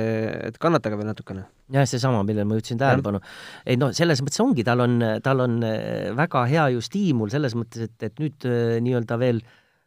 nii-öelda endale tõestada, et ma suudan ka nendel katetel edukas olla, et, et tal on nagu seda piisavat motivatsiooni ka selles plaanis. aga see näitab tema tugevust, et ta võtab nii-öelda step by step seda asja ja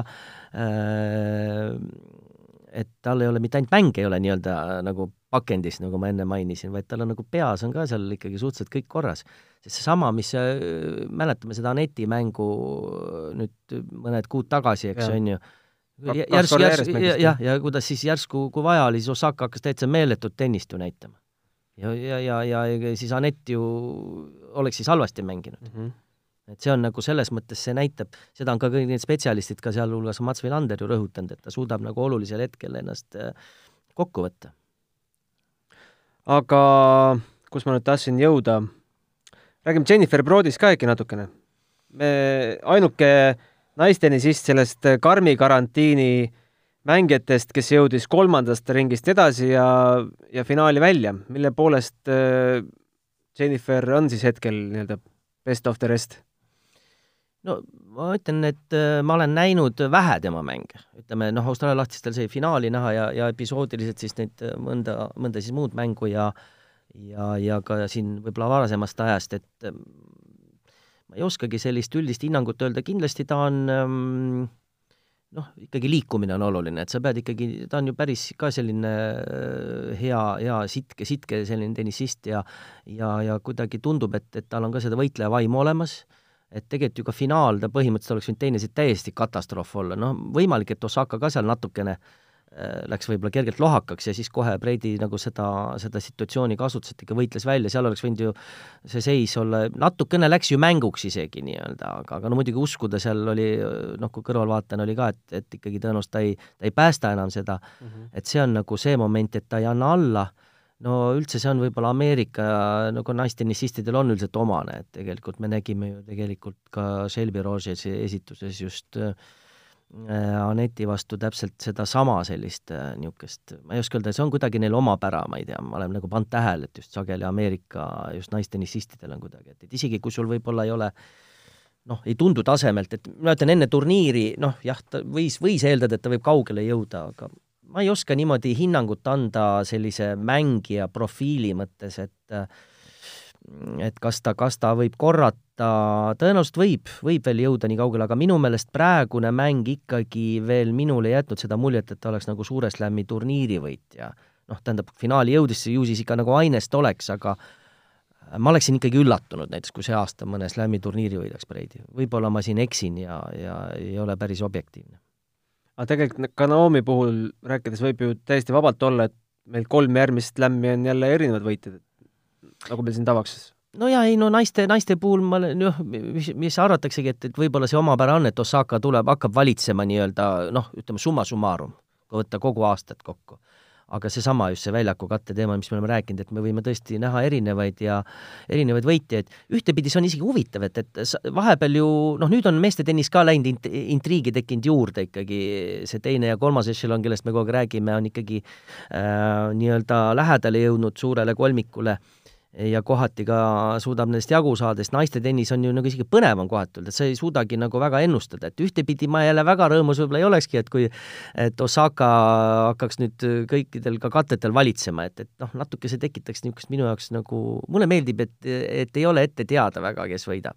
aga samas jälle selline, et, et keda kõik tahavad võita, noh noh, stiimul on muidugi loomulikult. aga seal on muidugi veel üks oluline nüanss, et me räägime erinevatest katetest, et muru, liiv, kõvakatte,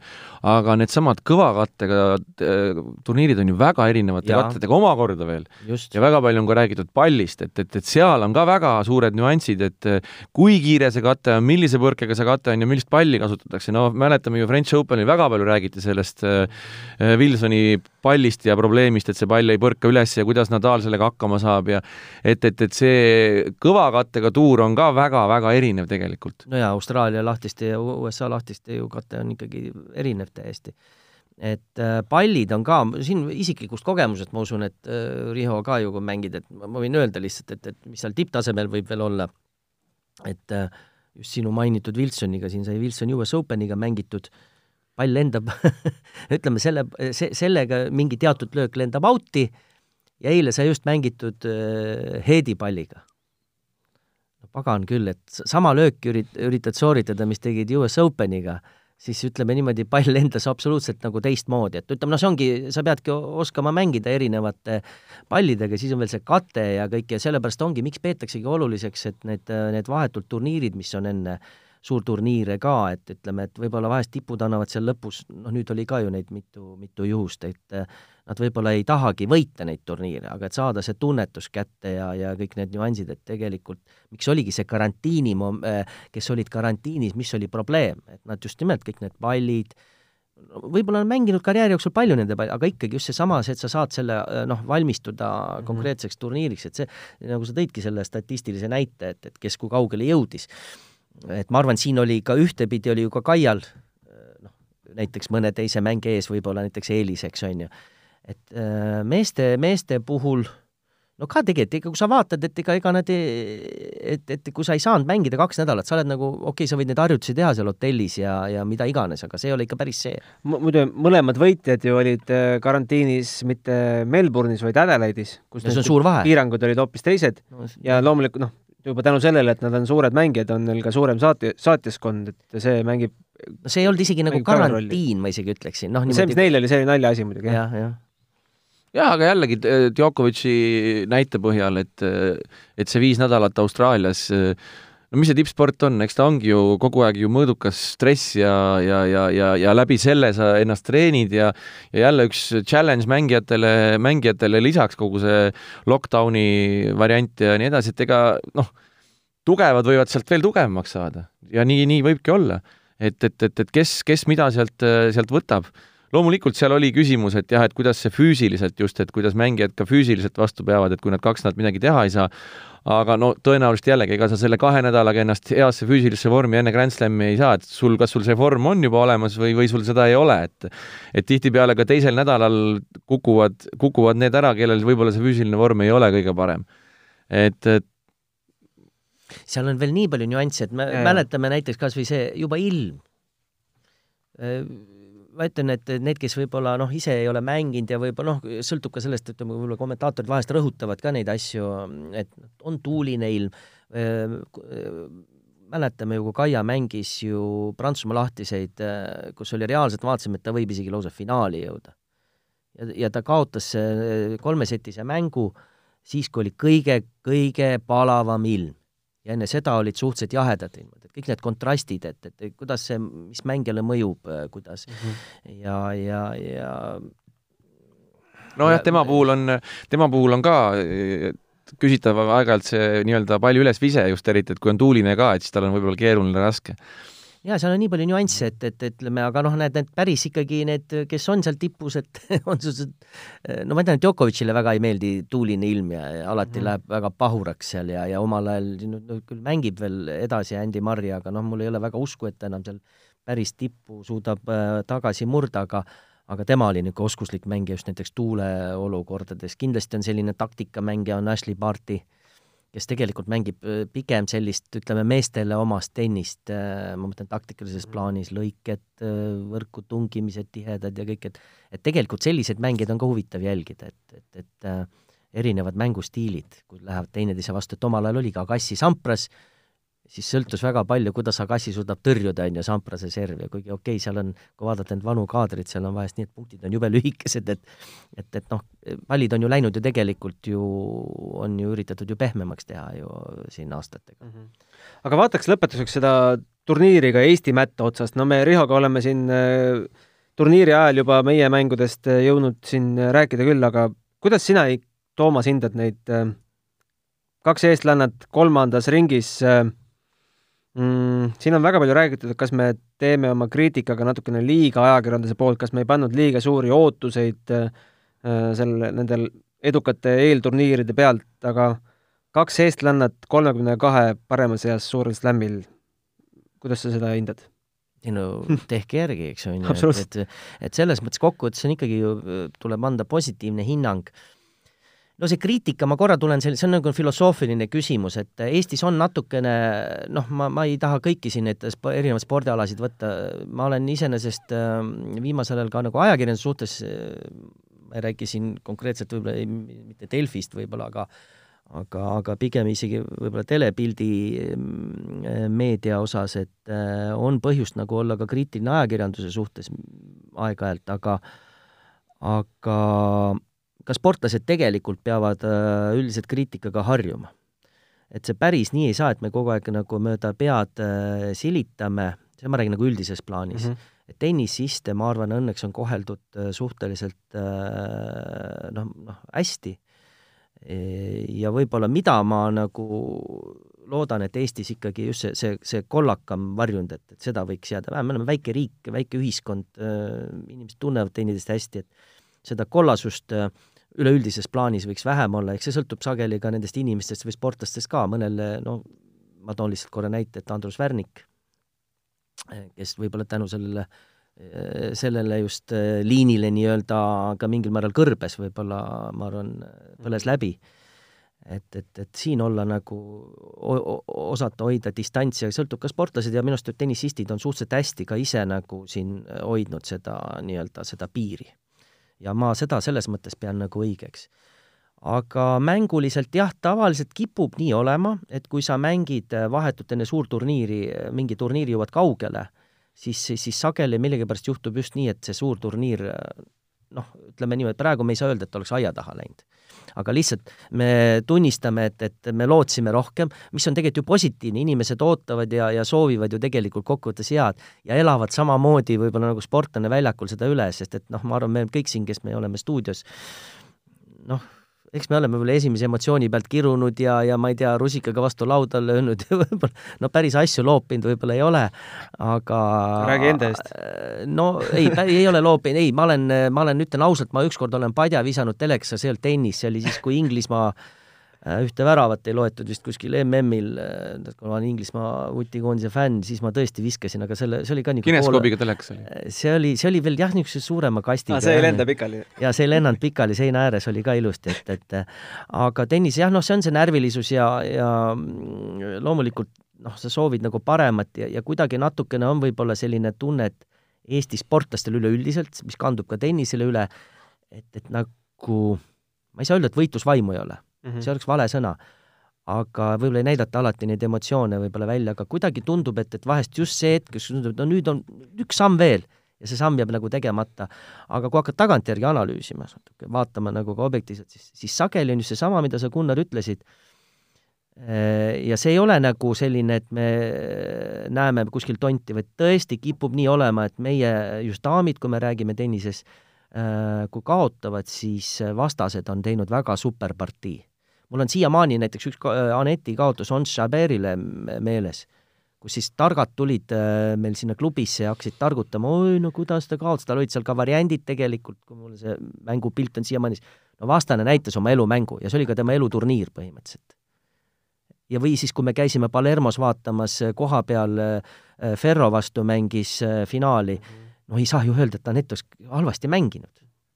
Aga need targutajaid on muidugi väga palju, kes, kes nii kui kaotus on, siis on, kõik tehakse maha, kuidas ta ei suutnud, ma olen alati öelnud, et noh, minge ise platsile või, või vähemalt kas või proovige omal tasemel neid olukordi, et kuidas te siis äh, mängite. vastane lihtsalt mängis ülihästi. sa pead ta ju üle mängima, et sa pead leidma mingi võib-olla tõesti võtmed kuidagi seda mängu mõjutada. -hmm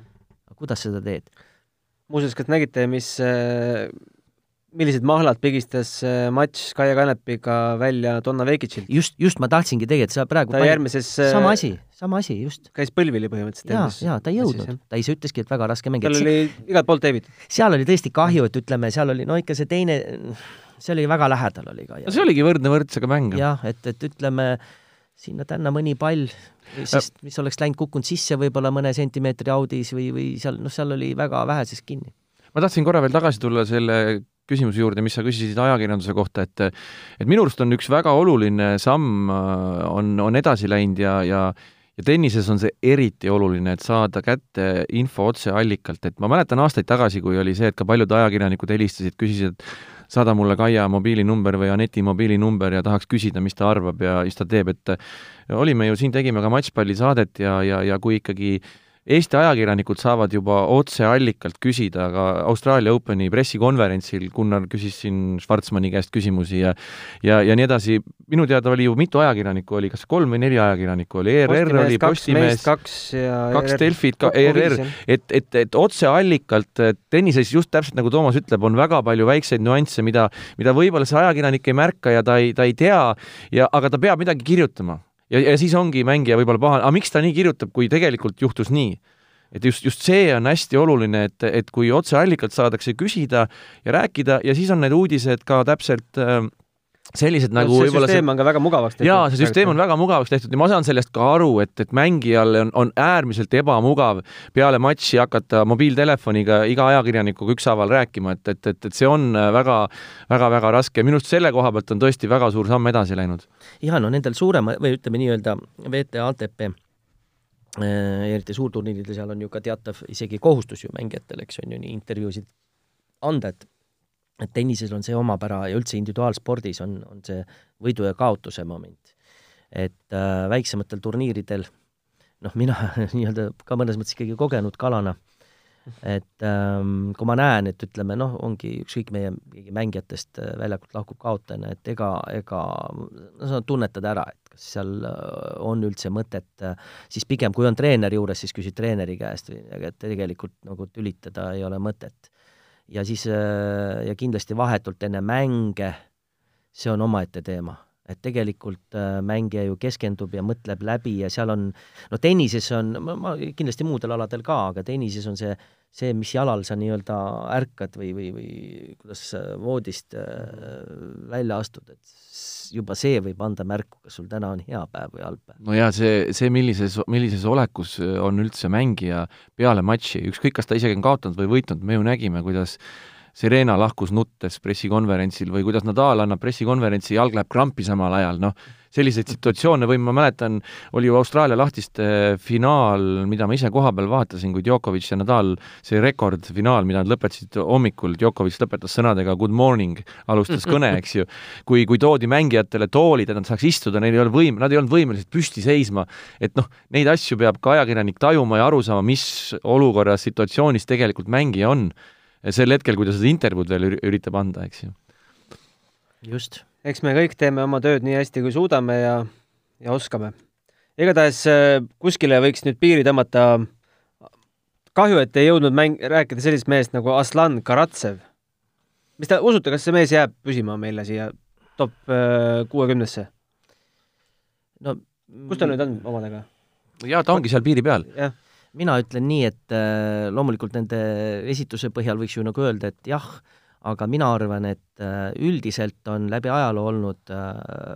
noh, siin vanem natuke paar, ütleme niimoodi, minu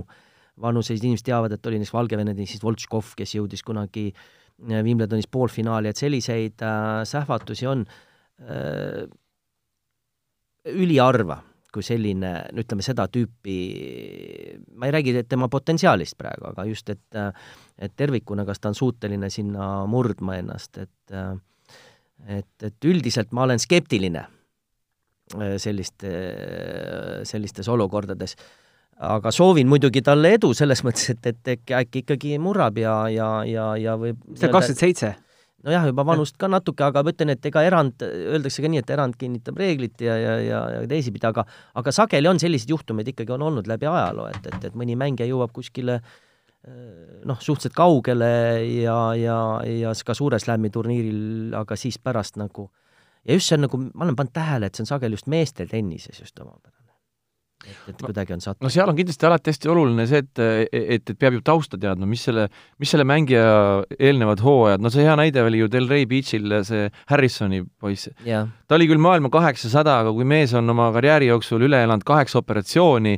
et noh, ta mängutase on võib-olla hoopis midagi muud, aga, aga ta hetkeseis on kaheksasada, sest tal ei olnud seda, ei ole seda võimalust olnud, et ei no see ongi nagu see Voltskov, kellel no, täpselt, sama, sama, ta oli vigastuste ju et kui sa nagu, kas sa oled puhtalt mänguga seal tasemel või sul on olnud mingisugused probleemid ja, ja, ja mured, et noh, seal oli ka hea näide, tegelikult mees oligi reaalselt äh, Grand Slami tasemel mängumees, aga lihtsalt ei ole saanud mängida, noh. jah igatahes hoiame pöialt, ma arvan, et Aslan Karatsevile ka. Eesti naisi siin äh, Anett vihjas, et äkki Katar ja Doha võiksid olla tema või Katar, oli see jah, Doha ja Dubai, mis hakkavad siis esimene märts ja seitsmes märts. Äh, ma arvan, et Kaiat me enne Miami Openit ei näe, ta vist oma kuuekümne teise kohaga peaks sinna pääsema üsna kindlalt peale või? jaa, ma usun küll jah, jah, et ma usun, et ta mängib kindlasti tema see on ju suur tabel ju. ja, ja tal on ju see teine teema just, et ja ta on alati üldiselt ju ka ju üritanud seal mm. seda nii-öelda USA turneed on, ta on ju vist isegi öelnud, et tal üldiselt need nii-öelda see kevadine ja siis see Äh, suve lõputurneed, tal on, noh, enne USA lahti, tal on tegelikult need ju väga meeltmööda olnud. aga ma tahtsin ühe asja lisada siia lõpetuseks veel, et kui me enne rääkisime siin meie tüdrukute eelturniirist ja sellest, et siis meeste ja naiste situatsioon on totaalselt erinev, kuna meestel on kaks täiesti erinevat äh, spordiala, on kolmest parem ja viiest parem. et meie tüdrukud, see eelturniir, mis nad mängisid, neil täpselt seda ongi vaja selleks, et Grand Slamidele hakata kaugemale jõudma, on vaja seda kogemust, finaali kogemust ja turniiri võidukogemust, mida nad mõlemad said. ja see, see on fantastiline ja kui nad neid turniire veel ja veel saavad, siis hakkavad juhtuma ilusad asjad ka Grand Slamidel. aga äkki peaksime ka andma viim-, viimastes matšides siin walk, walkover'id, Osakal on praegu kakskümmend üks matši võitu, aga võtame sealt, kaks nendest on äh, walkover'id andnud tegelikult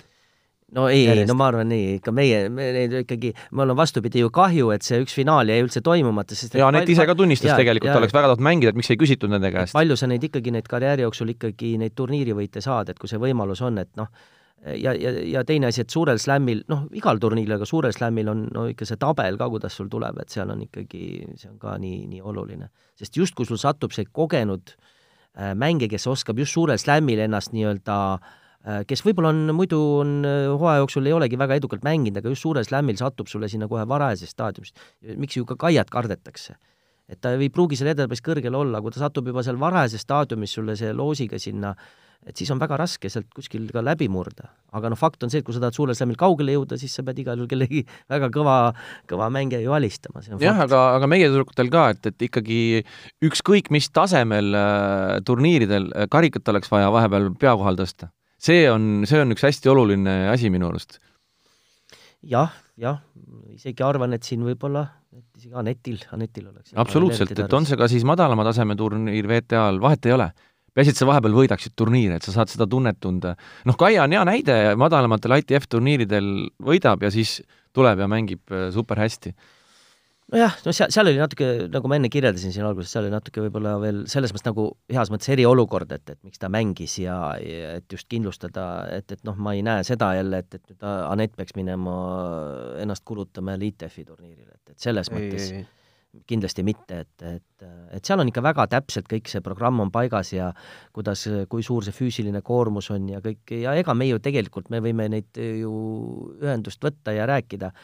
nagunii me kõiki nüansse, ega me ei peagi teadma, et, et see on ikka väga tõsine ja pikk protsess, mis koosneb nii paljudest komponentidest, et et kõige tähtsam on see, et neil on eneseusku ja, ja kui seda on, küll need, küll Anetil ka veel turniirivõidud tulevad, et veel juurde, et, et põhimõtteliselt juba kaugele jõudmine on ka juba omamoodi nagu turniirivõit mhm. tegelikult, et et kui ta jõuab näiteks viiel-kuuel turniiril poolfinaali või mõnel ka finaali ja ei tule seda karikat pea kohale, no jumal temaga, aga jälle, kui terve hooaeg kuskile ei jõua ja üks turniirivõit, et mis siis on parem yeah.? mis siis sellest parem on, et mm, seda peaks võib-olla küsima huvi pärast nende käest kunagi. ilmselt see võimalus loodetavasti see hooaeg ikka tekib. minul oleks loosijumalale ka veel üks suur palve, et palun pange meie tüdruk mõne, mõne, mõnel turniiril esimeses ringis ka kokku, et Läti... esimeses? no mõnel suur, suurturniiril võiks esimeses ka panna, et, et lätlannad on saanud omavahel madistada küll ja küll, miks, miks meie ei ole? Ei no eks see sõltub ju, kus asutakse mina ütlen niimoodi, et, et ähm, kui nii-öelda kõrgem jõud äh, viib nad kokku, siis, siis ma kindlasti tahaksin, et see ei oleks esimene ring, sest esimene ring, ma võin öelda seda, et on on Suure Slami turniiril eriti just, äh, on, no üldse tavaliselt ka, et, et see on niisugune nagu sisseelamise moment, sest et esimene ring, miks sageli ju ka tugevad, äh, võib-olla kes ei ole parimas vormis, kaotavad seal endast edetabelis tagapool olevatele mängijatele. sa kuidagi nagu sellesse miljöösse, me rääkisime katted, pallid, ilmaolud, seal on hästi palju, elad sisse ja kui mõlemad on sisse elanud turniiri, no palun väga, siis võib. aga, aga esi... meie jaoks oleks see psühholoogiliselt juba finaal ju noh, nii ja naa, ma, ma ei tähtsustaks seda võib-olla momentini üle, et ma tean, et neid võrdlusi ja kõik tahavad teada, kumb on parem, kumb, see ei ole nagu see mm, jah, mina vaataks ka seda kurvastusega, et üks kukub välja, vaata. ja just, et, et, et pigem, pigem kaugemas faasis, et siis üks jõuab no, jah, et kui tõesti turniiri lõppfaasis, et, et poolfinaal oleks ja näiteks jah, et, et kui nüüd Miami tabel tuleb esimeses ringis, lähevad omavahel kokku, siis ma ei oleks küll väga okay. õnnelik kolmas-neljas. jah ja. aga selge, Toomas, aitäh, et sa tulid tõesti oli väga huvitav jutuajamine ja läks päris pikale meil nüüd Futboliit ilmselt peksab meid siit kohe välja. sattusime hoogu. sattusime liiga hoogu, jah. aga kohtumiseni järgmistes saadetes ja vaadake ikka tennist, loodetavasti seda veel sel hooajal meile pakutakse ja pakutakse siis äh, mitmes eri maailma paigus ka, et vaatame, mis siin äh, endiselt tuleb elada päev korraga, ärme unusta ja püsime terved, peame reeglitest kinni, et saaks kunagi ka normaalselt äh, Eestis siin kas või võistlustennist harrastajate tasemel mängida, et et oleme mõistlikud. kõike head! kõike head! aitäh!